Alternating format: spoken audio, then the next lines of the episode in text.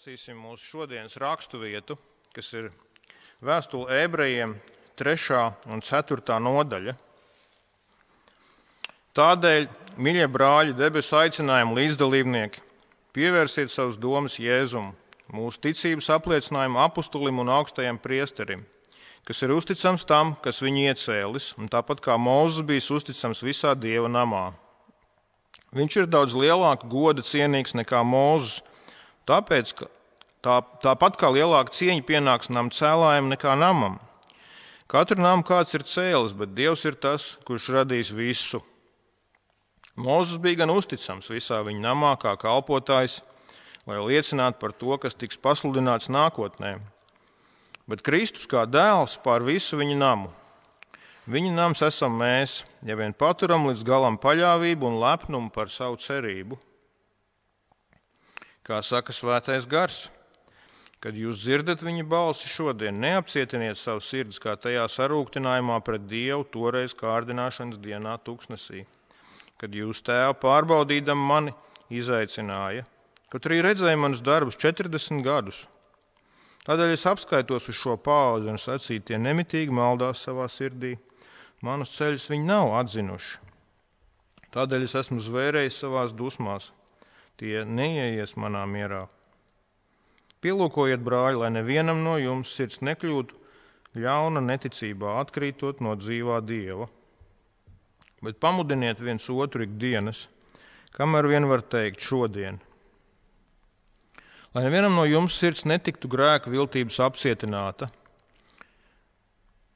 Mēs esam Kristus līdzdalībnieki. Mums vajag vien sākotnējo pamatu cieši paturēt līdz pat piepildījumam.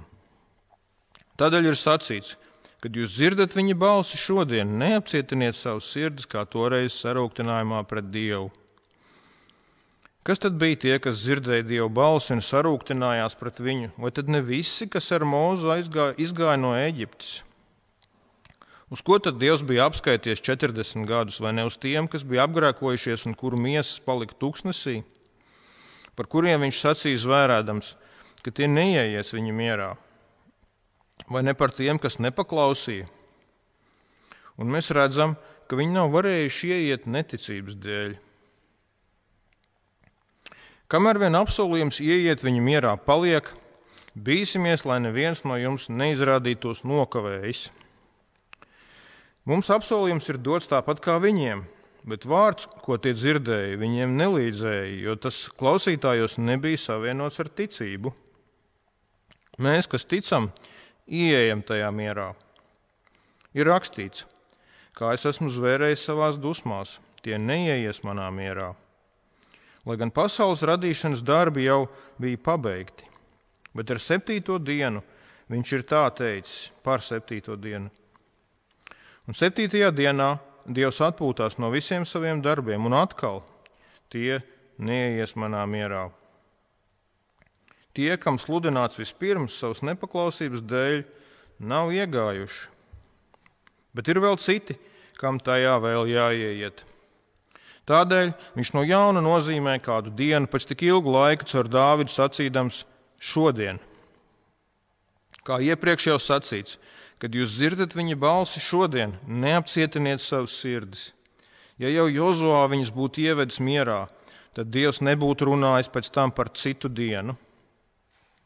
Tā sabata miers ir saglabāts Dieva tautai, lai tajā ieietu. Jo tas, kas iegājis Dieva mierā, atpūš no saviem darbiem, tāpat kā Dievs no savējiem. Pūlēsimies, lai varētu ieiet šajā mierā. Lai neviens neiekrīt nepaklausībā, kā tie tūkstnesī. Tiešām Dieva vārds ir dzīves un darbīgs un asāks par jebkuru apusgriezīgu zobenu. Tas duras cauri līdz sadalīt dvēseli un garu locekļus un kaulu smadzenes un iztiesās sirds domas un nolūkus. Nav tāda radījuma, kas Dieva priekšā būtu apslēpts. Viss ir kails un atsakts viņa priekšā. Viņam mēs dosim norēķinu.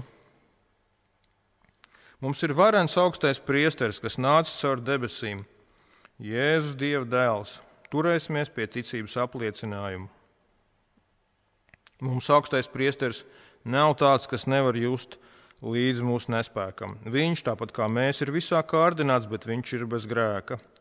tad no drošu prātu tuvosimies žēlastības tronim, lai tiktu apžēlot un saņemtu žēlastību, kas nāk kā palīdzība īstā brīdī.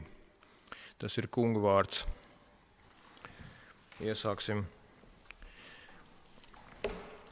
ar lūgšanu, ieklausoties šajā raksturvietā, lūgšanai motīvam. Vārdi no paša šīs vēstules sākuma, no pirmās nodaļas, vēstule ebrejiem, pirmā nodaļa, 1, 1 un 2. Dievs senlaikos daudzkārt un dažādi caur praviešiem runāja uz tēviem, bet šajās pēdējās dienās viņš ir runājis uz mums caur dēlu. Aizlūksim.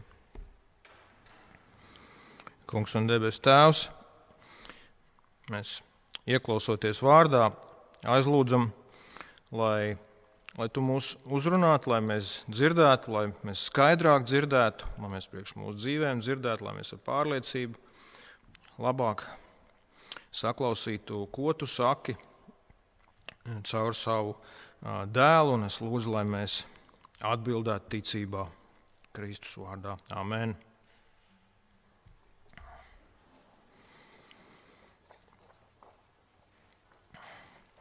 Mūsu tēma ir pastāvēšana līdz, līdz piepildījumam, līdz galam, līdz mērķim.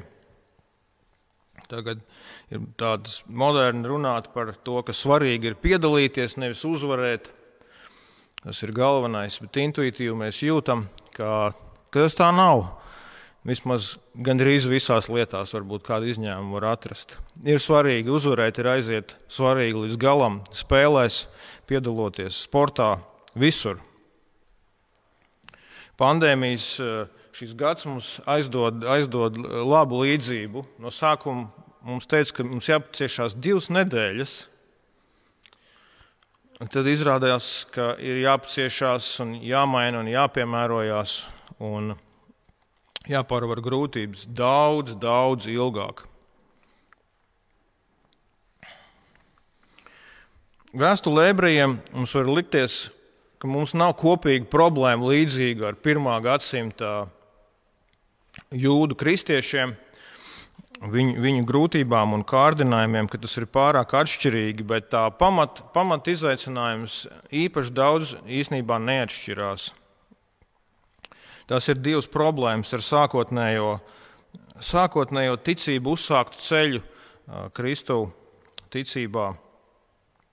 Tā ir slīdēšana atpakaļ un, un neiešana uz priekšu, neaugšana cīņas trūkums par nākamo pasauli, par Dievu pilsētu, par to vietu, uz kurien Kristus mūs ved, ko šī raksturvieta sauc par mieru, jeb vecajā tulkojumā atdusu uz mērķi.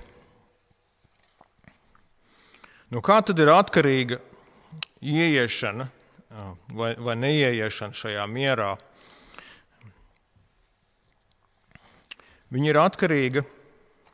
Šeit mums ļoti skaidrā veidā no tā, vai mēs paklausīsim Dieva balsī, vai mēs paklausīsim Dieva balsī, kas skan viņa dēlā. Kā mēs lasījām pirmajos, pirmajos divos pantos, Dievs runā savā dēlā, un šī balss skan, un šī balss skan šodien, un vai mēs viņai paklausīsim šodien, no tā ir atkarīgs mūsu galējā ieiešana vai neieiešana mūsu veiksmīgā finišēšana, neņemt vērā Jēzu nozīmē atkrist no dzīvā Dieva. Tik nopietni tas šeit ir. Ieskatieties 12. pantā. Es būšu priecīgs, ja jūs skatīsieties līdzi. Mūsu raksturvieta ir diezgan gara un ļoti daudz ir atkarīgs, vai jūs varat arī paši ieskatīties viņā. Trešās nodaļas mums ir divas nodaļas, trešā un ceturtā, trešās nodaļas 12. pantā. Paralēli ir ar atkrišanu no dzīvā dieva, būt neņemt vērā, nedzirdēt to, ko, to, ko Dievs saka šodien Jēzū. Bet ņemt vērā, ko, ko, ko Dievs saka šodien Jēzū, nozīmē ieiet mierā, ieiet jau tagad, Viņš saka, ja jūs tagad esat tur iegājuši šodien, tad jūs esat iegājuši tur pašā galā, mierā. Jūs esat veiksmīgi finišējuši. Tas ir, no tā, no, tas ir atkarīgs no, no mūsu ticības šodien. Jūs noteikti ievērojāt, ka šajā gabalā, ko mēs nolasījām, trīs reizes bija vienāds, vienāds pants vienāds pāns trīs reizes ir viens un tas pats atkārtots. Sākot no 3. nodaļas, 7. panta, kā saka Svētais Gars, kad jūs dzirdat viņa balsi, šodien neapcietiniet savas sirdis, kā tajā sarūktinājumā pret Dievu, toreiz kārdināšanas dienā, tūkstnesī. Kad jūs dzirdat viņa balsi, šodien neapcietiniet savas sirdis. Un pēc tam 15. pantā, turpat 3. nodaļā, Kad jūs dzirdat viņa balsi, šodien neapcietiniet savus sirdis. Un 4,7. Kad jūs dzirdat viņa balsi, šodien neapcietiniet savus sirdis. Laikam vēl skaidrāk nav iespējams pateikt trīs reizes, vēlreiz pie tā paša. Tā ir mūsu tēma. Un kopsavilkot, ir divas šīs šie uzaicinājumi, pavēles, reakcijas. Trešajā nodaļā, 12. pantā, ir pielūkojiet, jeb ņemiet vērā, kāpēc viņš to saka. Kad jūs dzirdat balsi, kas tagad ir jādara? Kas tagad ir tā svarīgā lieta, ja tas trīsreiz tiek teikts? Pielūkojiet, tas ir ņemiet vērā, kad jūs to balsi dzirdat, ņemiet viņu vērā un neapcietiniet sirdis, tā ir reakcija, ko jūs, ko jūs, kad jūs dzirdat, ko jūs darat ar to, ko jūs, ko jūs dzirdat. Un otrs pāris, 4. nodaļā, 1. pāns un, un 11. pāns ir bīsimies, jeb, jeb ņemsim to ar bijību, tā nopietni, to balsi, kas skan, un pūlēsimies. Atbildē uz to pieliksim pūliņus. Un šajos, šajos divos pāros es aicinu arī ieskatīties šodien vairāk caur, caur viņiem, tā kā šo diezgan lielo raksturvietu, ieskatīties un ieklausīties. Pie, pielūkojiet, tātad, kad jūs dzirdat balsi, šodien pielūkojiet, tas nozīmē kārtīgi klausieties, ko viņš saka, ko vispār Dievs ko vispār Dievs cilvēcei saka, ko vispār Dievs, Dievs saka. Autors iesāk, viņš runā savā dēlā. Un galvenais, ko viņš šīs vēstules vārdiem, mēs zinām, ir daudz Jēzus vārdu, ir evanģēlijā daudz, kas, kas tiek teikts caur Jēzu, bet šajā vēstulē galvenais, ko Dievs saka caur, caur Jēzu, caur savu dēlu, kam viņš viņu ir sūtījis, tas bija pietiekoši sen, bet iepriekšējā nodaļa ap Ziemassvētkiem kāpēc viņš kļūst cilvēks, lai, lai, cilvēku, lai cilvēku glābtu. Viņš nāca mums pakaļ, lai mūs samierinātu, lai mūs glābtu, lai mums nebūtu vairs jābaidās no nāves, lai ievestu mūs nākamajā pasaulē. Ka Dievs ir viņu darījis par labāku, īstenībā labāku visu. Mēs lasīsim šo vēstuli, viņš ir, kā mēs tikko redzējām, viņš ir labāks Mozus. Īstenībā Mozus ir ļoti labs.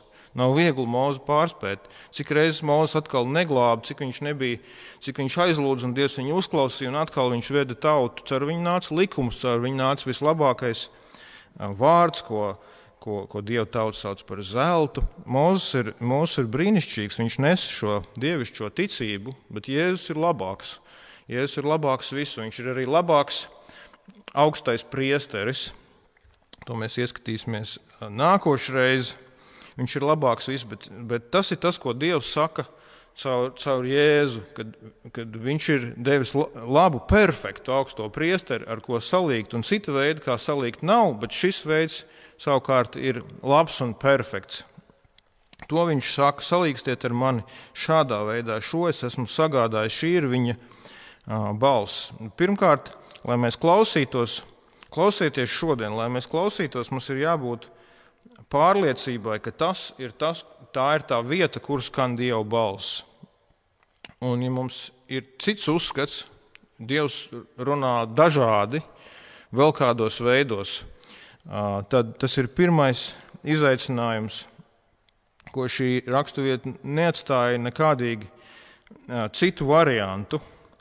Kādu uzrunā mežā būt pie dabas, vai mūzika, vai kaut kas emocionāls. Tas neapšaubām ir kā Dievs mūs ir radījis, bet šādā striktā nozīmē, ja mēs gribam patiešām atsaukties viņa balsī, mums ir jāklausās tikai un vienīgi, kā Dievs runā savā dēlā. Un proti, šis vārds, Jēzus ir nosaukts par, par apakstuli. Šeit mēs esam pieraduši, ka apakstuļi ir tie mācekļi.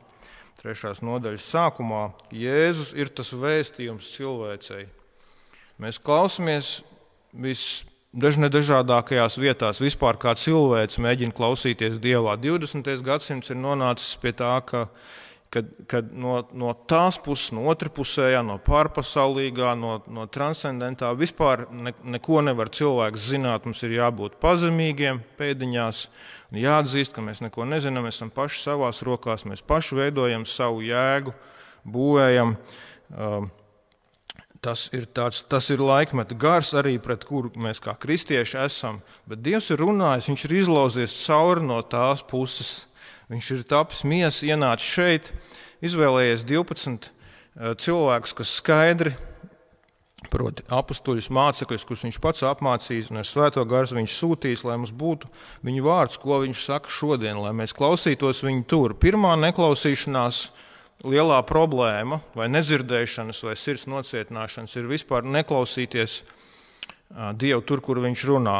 Kā zinās tie, kas ir sevišķi mazu bērnu, vecāki,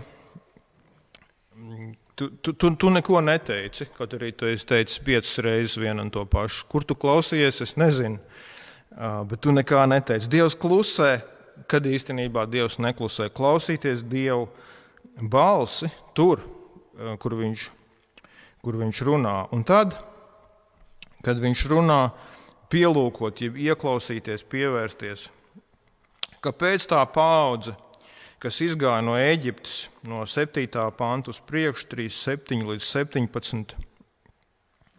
Kāpēc, kāpēc viņi neiegāja apsolītajā zemē? Jūs paskatīsieties eh, karti, jeb kā tagad no putnu lidojuma ar droniem var, var nofilmēt, tad tas gabaliņš nav liels. Tā tauta iziet no, no, no, no vienas vietas, tad Dievs dara brīnumus, pāršķeļ jūras, ved viņus ar lielu spēku, izglāb no, visi, izglāb no ienaidniekiem. Un tepat viņiem ir jānonāk. Kāds rēķināja, cik tas aizņemt nedēļas, bet viņi 40 gadus tur riņķo un, ne, un, ne, un neieiet un neiet. Kāpēc viņi neiegāja, kaut arī viņi redzēja šos brīnumus? Un vēl tālāk mums autors pat izaicina, viņš saka, vai tad, vai tad viņi visi, visi nebija aicināti tur, vai viņi visi neredzēja brīnumus, vai viņi visi nesāka labu, vai viņi visi neticēja. Vai tad viņi nesaprata, ka viņi, viņi nenovērtēja sākumā apsolīto zemi? Sākumā jā, bet viņi, viņi neiegāja. Viņi neiegāja, tāpēc ka viņi neklausīja, neklausīja, neusticējās Dievu vārdam, tam, ko viņš saka, tieši tam, ko viņš uh, saka. Viņus, viņu, viņu sirdīs Eģipte kļuva, kļuva un palika dārgāka nekā tā zeme, uz kuras viņi, viņi ved. Viņi Eģipti novērtēja par daudz, tā palika viņos iekšā, un to zemi uh, uz kur Dievs viņus ved, nenovērtēja un Dieva apsolījumus un viņu vārdu ne, viņi ne, nenove, ne, nepieņēma un nenovērtēja ticībā. Viņi ne, nelika savai sirdī iedegties par to, ko Dievs teica, kas ir apsolītā zeme, ka tā ir vieta, kur viņi būs tieši ar pašu Dievu sadraudzībā. Tā būs zeme, vieta, kur piens un medus tek, šīs materiālā daļa, kas ir ļoti svarīga. Tas mums arī atgādina, ka šis miers ir uz kuru mēs tiekam vesti, nav, nav, nav mākoņi un eņģelīši un tāda Michelangelo debesis, bet tā ir, tāda, tā ir jaunā eh, radīšana, darbīga, pilnīga eh, vieta, kur tikai ir attīrīta no grēka un kurā pats, pats Dievs ir. Uz tādu viņš ved, un apsolītā zeme ir lieliski mums to mm, atgādina, tāpēc, ka tur viņi sēja un pļāva un novārca ražu un svinēja svētkus. Un, un strādāja, un pielūdza, pielūdza Dievu, un biedrojās un draudzējās. Tur viss, tur viss notikās. Tā bija brīnišķīga vieta. Sevišķi savos labākajos laikos. Nebija perfekta, bet viņi rāda, ka tā ir fiziski. Bet viņi viņu ticībā neiemīlēja. Viņiem bija vārds par šo vietu, un pats Dievs gāja ar viņiem, rakstīts, Kristus gāja līdzi, bet viņi viņu atgrūda, nocietināja savus sirdis, nocietināja savu, savu, savus sirdis. Rakstīts, kā viņi sāka kurnēt un nocietināja savus sirdis. Kurnēt tas ir sūdzēties, teikt, ieņemt šo attieksmi, ka Dievs jau nedos neko, kad viņiem nebija ūdens, kaut arī viņš turpat ap stūrīti bija. Šie vārdi nāk no otrās mūža grāmatas 16. nodaļas, kur ir sākotnējais notikums, un pēc tam psalmā, pēc tam šeit viņi ir kad kurnē, kurnēšanas diena.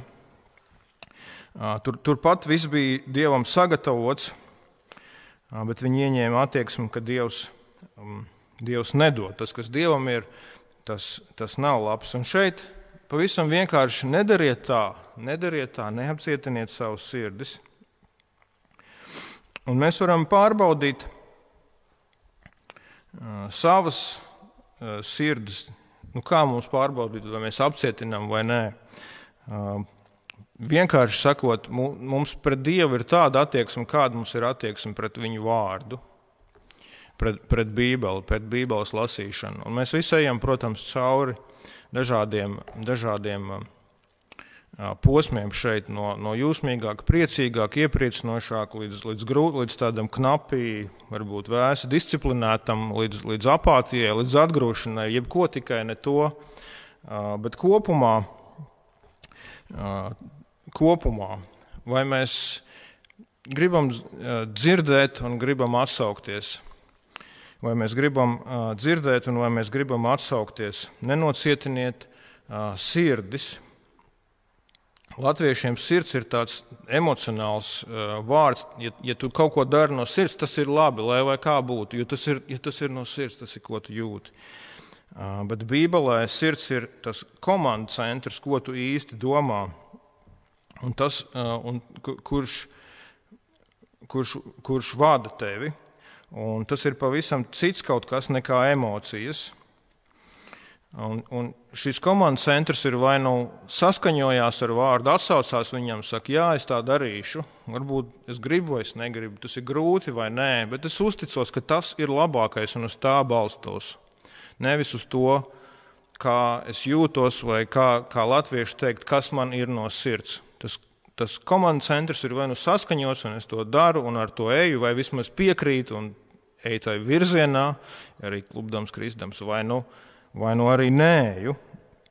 Un emocionālisms var būt tieši pretējais sirds, sirdī, kas nav nocietināta. Tā var būt tieši nocietināta sirds, jo, ja es ņemu vērā, kā es jūtos, tad tā kā es pieļauju, ka tā ir tūkstnesī tauta, kādu laiku bija pacietīga, bet ja ilgi nebija ko dzert, man vienalga, uz kurien tu man ved Dievs.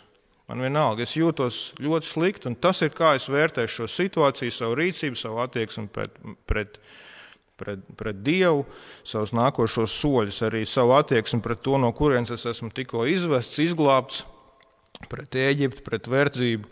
Tā emocionālisms var būt tieši pretējais mīkstai veidojamai sirdī. Apcietināt sirdi nozīmē vienkārši nereaģēt uz vārdu nemainīties tam līdzi. Galējā formā to dara pilnīgi neticīgs cilvēks, un tas ir galīgais brīdinājums. Tā ir neparastā lieta šeit, ka vārds grēks un grēks gan arī visā ebreju vēstulē un šajā gabalā nav tas, ko mēs domājam. Mēs domājam, kāds traks brīdinājums, viņi kaut ko sagrēkoja, un viņi bija pa galam, viņi nomira tūkstnesī. Ja nu es arī izdarīšu to, vai tiešām ir tik skaudri, No vienas puses ir vēl skaudrāk. Mūsu salīdzina ar, ar pilnīgi neticīgiem cilvēkiem. Saka, tas ir atkrišanas grēks, pilnīgs dieva atgrūšanas. Viņi dumpojās, viņi dumpojās pret dievu, pret mūzu. No otras puses, tas ir mums iedrošinājums, ja mēs atzīstam Dievu, klausamies, ko Jēzus saka. Tad, tad, tad mēs esam tur, kur mums jābūt. Ja mūsu sirds nav, nav cietas, Tātad šeit neiet runa par, kādiem, par kādu grēku, ko var netīšām vai tīšām sadarīt, bet par galējo grēku atgrūšanas, pavisam atkrišanas. Un tomēr viņš arī sākās pamazām, un arī mēs to praktiski redzam, ka viņš, viņš, tas nenotiek vienā dienā, ka kāds atgrūž arī viņi gāja un tad sāk lēnām dumpoties. Un tāpat tie, kurus mēs zinām, kuriem, kuriem, kuriem tā ir dzīvē noticis, Kā, kā, kā var ienākt šāda, šāda cietā sirds, šāda atgrūšana? Tā var ienākt vienkārši ne, neuzklausot, neatsaucoties vārdam. Kaut vai vienu reizi, pēc tam ar vien vairāk, pēc tam, tā, pēc tam tas sāk, tāds sirds jau paliek cietāk, viņi vairs nav jūtīgi, viņi nedzird, kad Dievs saka, un vai viņi lasa to vārdu, vai viņi nelasa to vārdu, vai dzird sprediķus, vai nedzird sprediķus, viņi sāk ieņemt jau konkrētu formu. Un, un tā ir šī nocietināšanās. Tāpēc ir šis vārds šodien. Katru reizi, kaut vai es nesen jau dzirdēju, vakar dzirdēju, atkal šodien dzirdu, un šodien atkal nenocietina sirdi. Ja vārds uz kaut ko aicina, uz ko viņš aicina, tas ir jādara, kur es to ieplānoju. Ticības atbildi lūgšanā, tātad nenocietināt savu sirdi, bet atsaukties, lai Dievs varētu viņu veidot. Ja būs kāds grēks, no kura jāatgriežas, mēs to redzēsim, vārds parādīs, mēs atgriezīsimies. Tā nebūs problēma. Tā nebūs problēma. Mēs ticam, atsaucamies, ejam kopā. Problēma ir nocietināt, neklausīties, vai ja klausīties, neatsaukties, nocietināties. Ja šodien dzirdiet, nenocietinieties. Mēs šodien mājās spriedām, vai mēs varētu upurēt kādu vāzi vai kādu labu bļodu, sadauzīt. Tāpēc, ka vajadzēja svētdienas skoliņai bija raksturvieta no Jeremijas par šo tēmu, kad, kad, kad ja, ja, ja mālu var veidot, veid, mālu veidotājs var veidot formu, un, un, un, un viņi var veidoties, bet ja viņi sacietē, kā tā dieva tauta bija nocietinājusies, ja viņi sacietē kā tāda bļoda, tad, tad Jeremijam bija jāņem tā bļoda un jāsadā uz druskās, tad viņi ir pa galam. Nenocietiniet savus sirdis, lai Dievs viņus var veidot, lai Viņš var vest uz priekšu. Un, ja šodien to atsaucies tam, ko Dievs Kristus saka, tu vari būt drošs, ka tu esi mierā, tu ieej mierā. Bet, ja tu nocietinies, tad tu esi ļoti, ļoti brīdināts, tad tu esi kā vāze, kā bļoda, kura tiks sasist kā šī paudze, kas nomirst tūkstnesī, un kurai Dievs neļauj ieiet. Šie ļoti, ļoti brīdinoši raksturvieti, un tā, tādi viņi ir. Un tāpēc vārdu uzklausīšana, pirmkārt, dievkalpojumi, pasludinātais vārds. Šajā laikā īpaši ne, izaicinājums tikt un, un, un, un bīstamības vai pieslēgties, bet tad ir citi plāni. Ņemsim to vērā šajā vēstulē, tālāk nepametiet savus sapulces vienā vai otrā formā. Dievs dod dienu, šo sabatu, šo mieru dienu. Īstenībā, lai atgādinātu, dod veselu dienu. Tam, tam veltīt, lai atgādinātu, ko viņš ir sagādājis, visus padarītos darbus, lai iecentrētu to. Pašu lasītais, lasītais vārds. Likt, ļaut, lai tā, lai tā, tā dieva mīlestība, kur mēs dzirdēsim par viņu sagatavoto zemi, kur mēs būsim, kur mēs būsim kopā ar viņu, un, un ko, ko viņš veido. Pilsēta, kuras veidotājs ir Dievs, nākamā pasaule.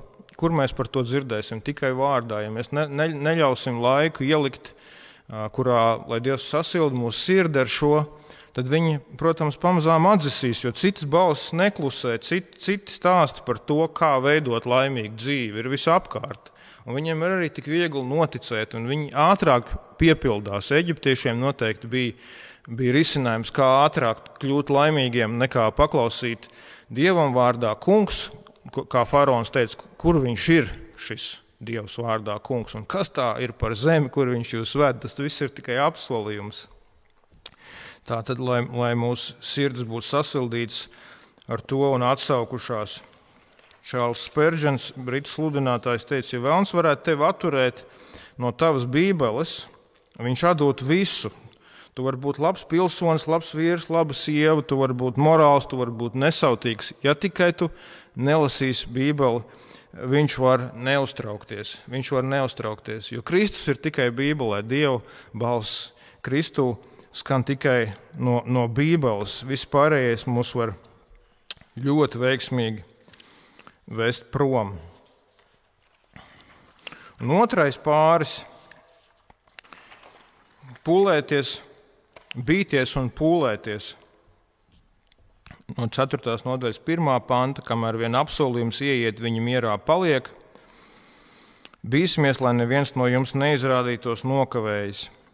Mums apsolījums ir dots tāpat kā viņiem, bet vārds, ko tie dzirdēja, viņiem nelīdzēja, jo tas klausītājos nebija savienots ar ticību. Mēs, kas, mēs, kas ticam, ieejam tajā mierā. Mēs, kas šodien šeit esam un klausāmies, kādā brīdī ticējām Kristum noteikti. Tam, ko Dievs saka caur Kristu, mēs, mēs sākām, mēs ticējām. Izaicinājums ir, vai tu tici viņam šodien?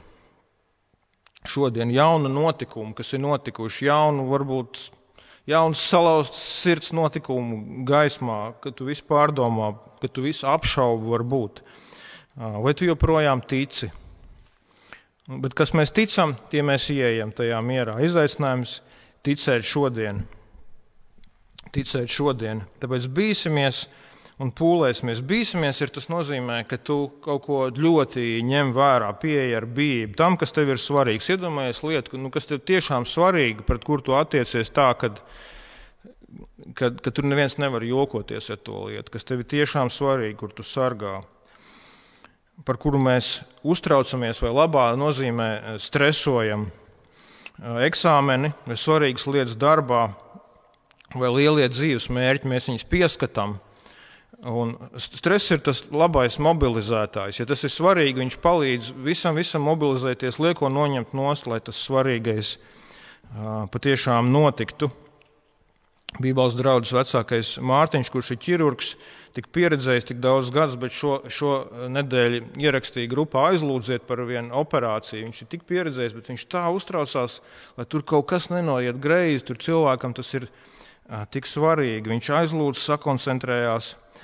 Tā tad bīsimies, ja stresosim par kādu lietu, pūlēsimies, lai mēs pastāvētu ticībā šodien lai par šodienu varētu teikt, šis ir laiks manā dzīvē, kad es eju ticībā. Es sākumā gāju, vai vēl kad gāju, vai varbūt man vecāki gāja. Bet vai es eju ticībā šodien, vai es tā savā dzīvē redzu šo svarīgo lietu, būt pastāvēt ticībā, un tas ir šodien. Un tas ir šodien. Un turklāt vēl pamudiniet viens otru tajā 13. pantā, atpakaļ 3. nodaļā, Pamudiniet viens otru tajā, tas nozīmē paši koncentrējieties, stresojiet par to. Pamudiniet pārējos, iet ticībā šajā paļāvībā uz vārdu. Tas mums atgādina, cik svarīgas ir visas kalpošanas, kuras, kuras stiprina vārda dzirdēšanu.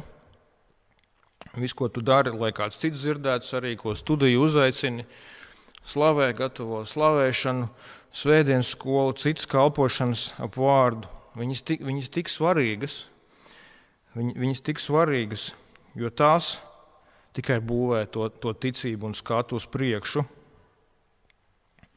Īpaši, īpaši piepūlēsimies savās ģimenēs tagad, kā visu ikdienu jāorganizē citādāk, kā sāorganizēt, lai mēs vispirms dzirdam vārdu, pirms sociālajiem mēdījiem, pirms, pirms viss, kas ienāk iekšā, palīdzēt viens otram, vīri, sievām, sievas vīriem, vai tev ir tāds laiks, ka tu vari palasīt, vai mēs kopā visi, vai mums ir pie rokas viss sagatavots, ka visiem kaut kur jāskrien, protams, bet lai mēs varam izlasīt, lai mūsu dzīve būtu ap, ap šo vārdu, um, burtiski centrēti, lai tas būtu galvenais, lai mēs par to bītos un pūlētos.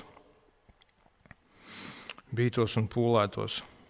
Ne tikai ģimenēm, saviem draugiem, mēs, kas mums ir tuvu, kur mēs apkārt redzam viņu dzīves, kā es varu palīdzēt, kā es varu pats sev palīdzēt. Pirmais un pats galvenais jautājums. Mēs esam dzirdējuši šādus brīdinājumus, kad uz mums runā šādā brīdinošā veidā. Šeit vietā atgādinājums, mēs bijām vasarā Ventspils ostā, tur, kur tieši tajā vietā, kur kuģi iet ārā un, un, un iekšā no jūras, tur izvietot ir tādi vēsturiskie navigācijas šie objekti, milzīgās tādas bojas jūrā, viņas ir maziņas, ka viņas iznes krastā, viņas ir milzīgas nokrāsots tajās īpašajās krāsās, tur ar, ar, ar, kur ir ugunskura iekšā, un kā viņas signalizēja, un, un paskaidrot visu, ko nozīm, ko, kāds simbols nozīmē ziemeļus, dienvidus un tā tālāk. Kāpēc es par to stāstu? Šīs bojas un bākas viņas brīdina. Kāpēc viņas brīdina, lai kuģis varētu veiksmīgi ieiet ostā? Viņas nav, viņas nav tāpēc, ka, ka, tie būtu slikti kuģi, kuri paši nemāks stūrēt un kur nevarētu vienkārši taisni ņemt un iebraukt. Šie brīdinājumi ir Dieva palīdzība mums. Tā ir viņa mīlestība mums, tas ir viens no veidiem. Tāpat kā varbūt ēzelītam vajag, viņam vajag burkānu priekšā, bet viņam vajag arī to stibu. Bet tā stība arī palīdz. Un šie brīdinājumi ir ne jau tāpēc, ka Dievs mūs nīstu, vai viņš šaubītos, ka mēs ieiesim, bet viņi, viņi, kalpo, viņi kalpo mums, lai mūs vadītu uz šo mērķi. Tas ir labs kuģis, kurš ievēro un māk visas bojas un gaismas, kas var miglā, vētrā, varbūt sarežģītā ostā, kur ir sēkļi, visu veiksmīgi izbraukt, izgriezties un iebraukt iebraukt, nonākt, nonākt galā. Brīdinājumi, arī tādi skaudri brīdinājumi, viņi jau savā būtībā saka, tu, tu uztrieksies, tu, tu, tu būsi sašķēdīts, tu būsi pagalam. To jau viņi saka, bet viņi domāti, lai mēs iebrauktu tajā ostā, lai mēs nonāktu, lai mēs veiksmīgi nonāktu galā, mēs veiktu tā Dievs mūs vada.